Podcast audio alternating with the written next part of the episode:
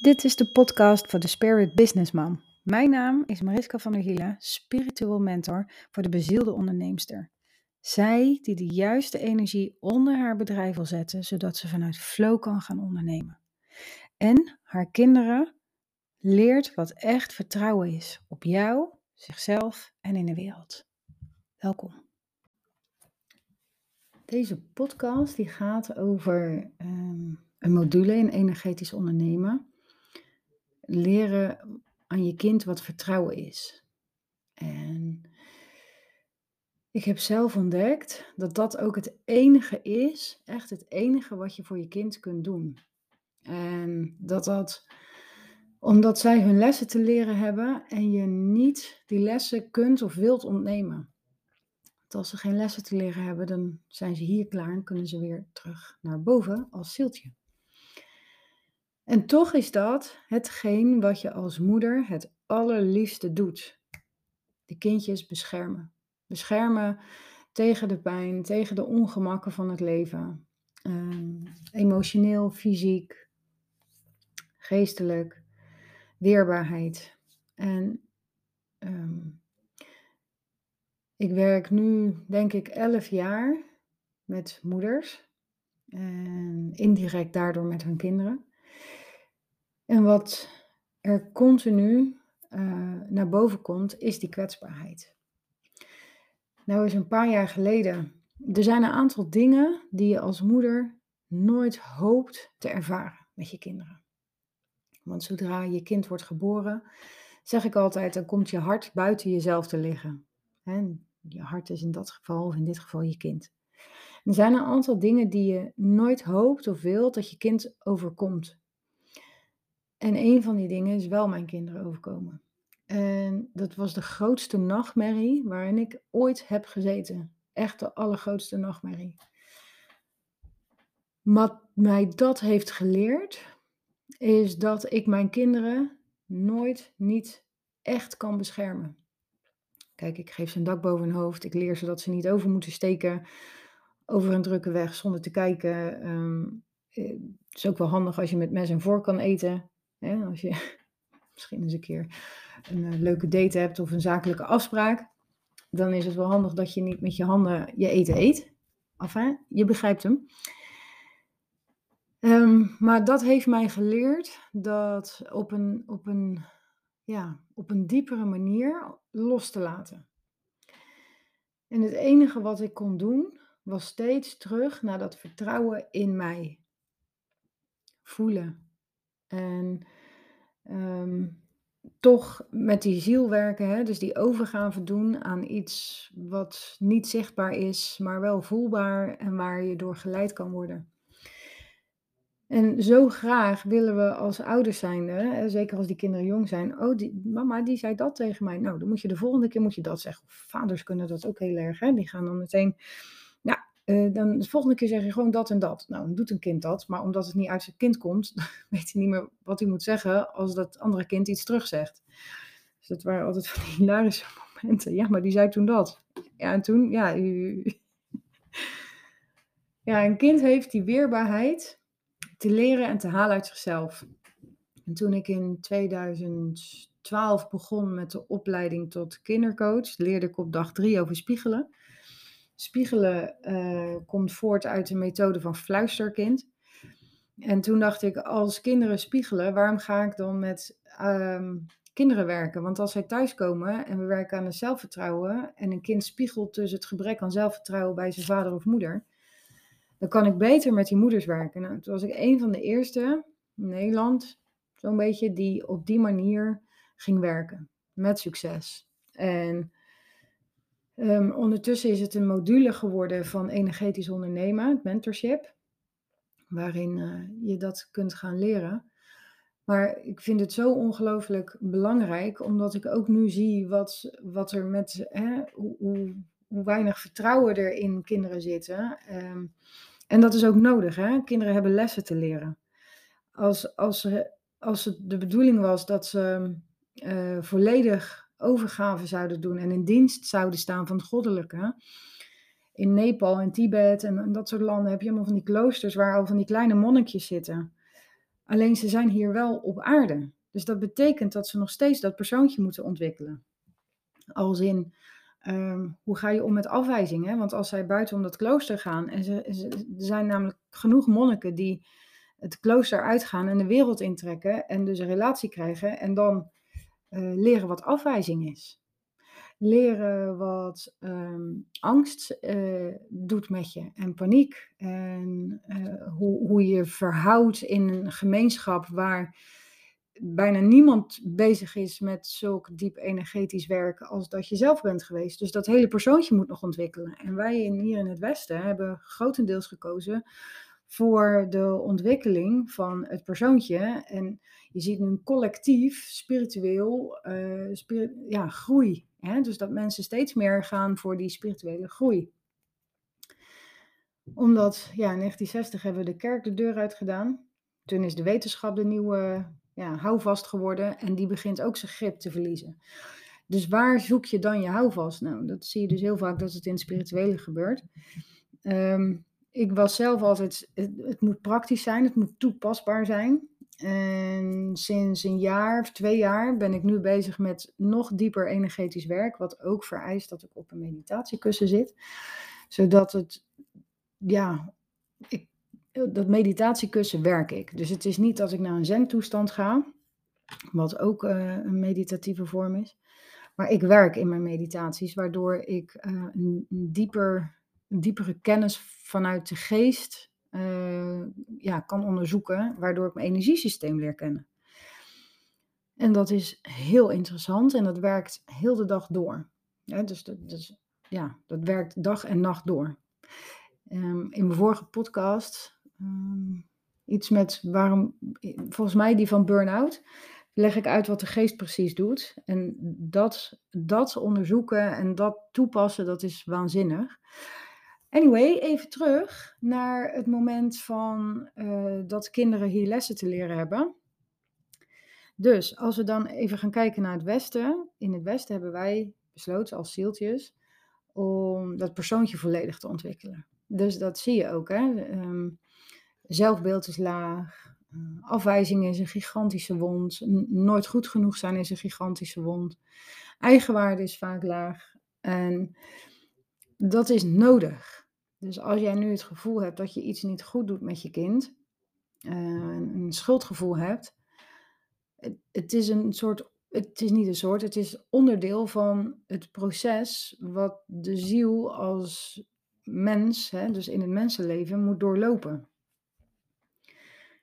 En dan kom ik weer terug bij mijn verhaal, waarom ik nu ten diepste weet dat je het enige wat je echt, wat je werkelijk echt kan betekenen voor je kind, is vertrouwen. Als jij een diep vertrouwen voelt, emotioneel, fysiek, geestelijk, uh, in de wereld, dan is dat wat je kind oppikt. Als jij in die onderstroom angst voelt, dan is dat wat je kind oppikt. Maar er zal een kind ook tegen uh, ja, in opstand komen. Want het kind wil die angst niet. Waardoor hij weer zijn eigen patroontjes gaat ontwikkelen. Waar die later weer met. Ik zeg altijd: uh, ik, ben, ik heb echt alles, maar dan ook alles gedaan. voor het welzijn van mijn kinderen. Op alle gebieden. En als zij later naar me toe komen en zeggen: Mam, dat heb je verkeerd gedaan. Dan geef ik ze een zakje met geld erin en zeg ik: Alsjeblieft, ga maar in therapie. Want ik heb mijn best gedaan. En als je gaat kijken vanuit systemische werken, familieopstellingen, dan is, is dat ook een hele gezonde reactie. Dus dat je je niet aanpast omdat je kind zegt dat je iets fout doet. Die plek uh, die behoort niet toe aan je kind. Om het even zo te zeggen. Um, nu hoor ik gelijk, ja, maar uh, als je kind tegen je zegt, dan mag je toch wel zeggen dat je iets fout hebt gedaan. Ja, ja, maar het gaat even om de positie die een kind inneemt als die wat groter is of volwassen en zegt dat jij iets fout hebt gedaan. Jouw intentie is namelijk nooit dat je iets verkeerd doet voor je kind.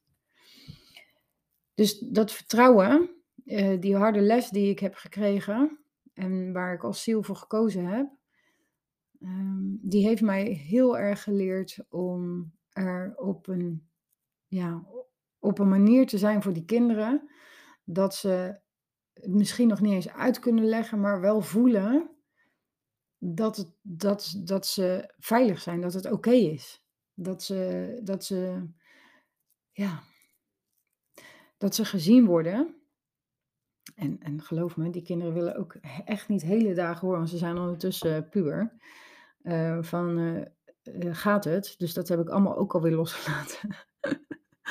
oh, zo leuk hè, het moederschap. Um, en dat heeft natuurlijk ook impact op mijn business, omdat daar ook een vertrouwenslaag onder komt. En dat heeft weer effect op mijn werk, hè, dus hoe ik mijn werk doe, maar ook uh, de mensen die ik aantrek, de businessmams die ik aantrek. Um, omdat dat vanuit een vertrouwenslaag gebeurt in plaats van um, paniek of angst. Maar dat is weer een andere module in energetisch ondernemen. Hè? Dus dat je de juiste energie onder je business zet. Of legt. Um, en dat vertrouwen, dat is, dat, dat, dat is niet zomaar. Mijn, mijn werk, mijn methode is er zo opgericht dat je en door, je, ja, door al je trauma's, ik, ik werk zo lang en zoveel met trauma's. En we zitten vol met trauma's, zeker een businessman. Daarom is ze ook vaak succesvol, eh, of wordt ze succesvol in wat ze doet, omdat die drive om het goed te doen zo groot is.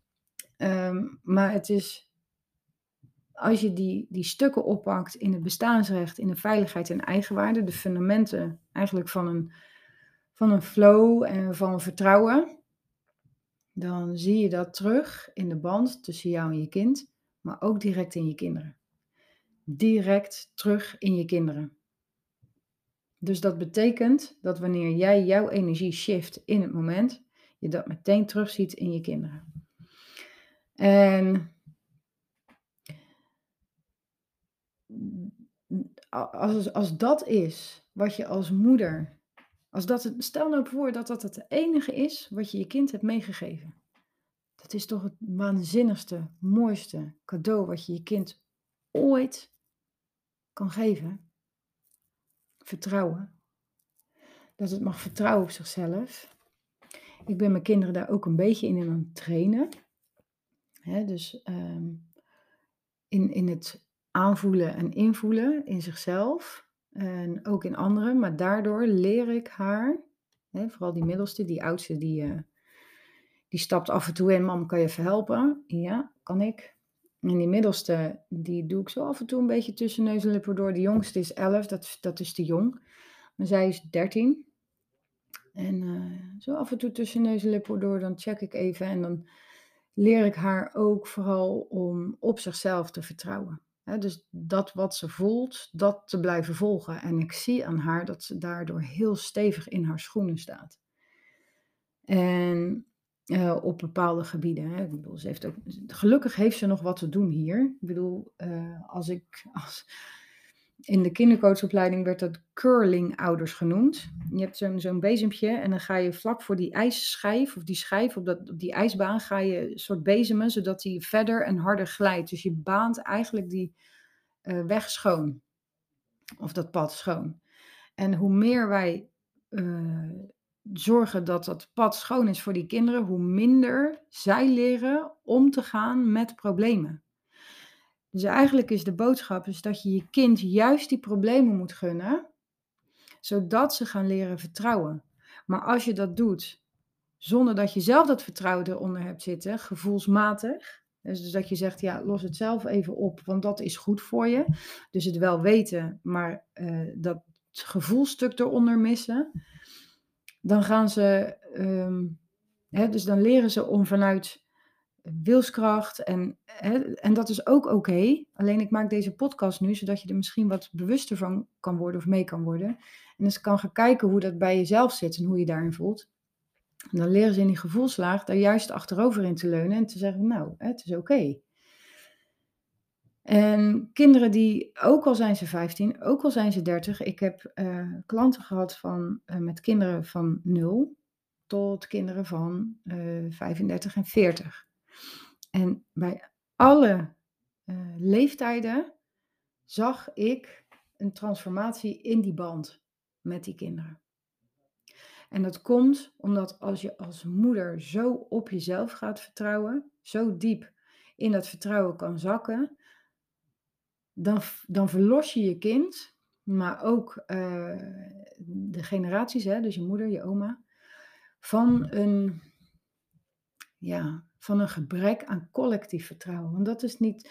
Kijk, wat ik zei, als je in een, in een klooster gaat wonen, daar is iedereen de hele dag door bezig met het goddelijke, met verbinden, met verantwoordelijkheid nemen. Hè? Dus die, die projecteren hun energie niet. Met als gevolg dat dat, uh, ja, dat heeft, dat heeft consequenties, dat heeft effect op die kinderen. Um, maar dus ook als je in zo'n community leeft, op elkaar. Nou, mijn dochter die zei laatst, nou je moet niet te kalm worden, want dan wordt het zo saai hier. het is dus nooit goed. Het is nooit goed. Dus onthoud dat ook. Het is nooit goed. Wat je ook doet, het is nooit goed. En dat is ook zo mooi, hè? Dat, dat, dat, die, dat die stukken worden aangeraakt. En wat doe je er dan mee? Ga je dan projecteren en boos worden? Wat, echt ook, wat ook gewoon gebeurt, wat ook heel gezond is en normaal. Of uh, pak je hem af en toe eens op en transformeer je hem, zodat hij ja, teruggaat naar ik snap je lieverd. Punt. Want je snapt haar of hem ook omdat het in haar of zijn ogen ook nooit genoeg is. Maar het raakt jou niet meer. En dat is wat eigenwaarde doet. Um, in het energetisch mentorship, het energetisch ondernemen, ga ik er veel dieper op in. In Grounds ook. Daar hebben we iedere maand hebben we daar thema's. Waar we dieper ingaan op eigenwaarde, op bestaansrecht en op veiligheid. De drie grote basisthema's des levens. Daaronder kun je. Uh, ik heb dit allemaal doorleefd. Ik heb er hier nog nooit een boek over gelezen. Ik heb dit allemaal doorleefd. Maar onder drie, die drie thema's, die zijn universeel. En dan kun je bijna alle, alle trauma's scharen die er te vinden zijn. En, uh, en ik heb niet alleen doorleefd, ik heb ook duizenden sessies gedaan. Met moeders en kinderen, ook vaders, ook koppels. Um, en het komt allemaal neer op die drie thema's. Dus voor mij is het essentieel dat dat, hè, dat is de basis van het leven. Als je die drie thema's uh, gewoon aankijkt, tegelijkertijd met je zielenkracht, want als je alleen maar gaat analyseren en reflecteren en spiegelen en alleen maar bezig gaat zijn met uh, het fixen van de emotionele of wat voor problemen dan ook, dan zit je altijd in het niet goed genoeg syndroom. En als je dat tegelijkertijd op kunt pakken met je zielenkracht, ja, dan krijg je echt een mooie, ja, een mooie verbinding. Dan komen ziel en persoon echt helemaal samen. Um, en dat ga je voelen. Nou, wil je meer weten over energetisch ondernemen of over grounds? Stuur dan even een berichtje. Stuur uh, dat hè, via Instagram of via mijn mail, mariska.spiritbusinessman.nl. Je mag me ook uh, gewoon even een berichtje sturen uh, met wat het voor je heeft gedaan, hè, deze, deze informatie. En wat het, als je dat fijn vindt, moet niet. Um, in ieder geval, dankjewel voor het luisteren en tot de volgende.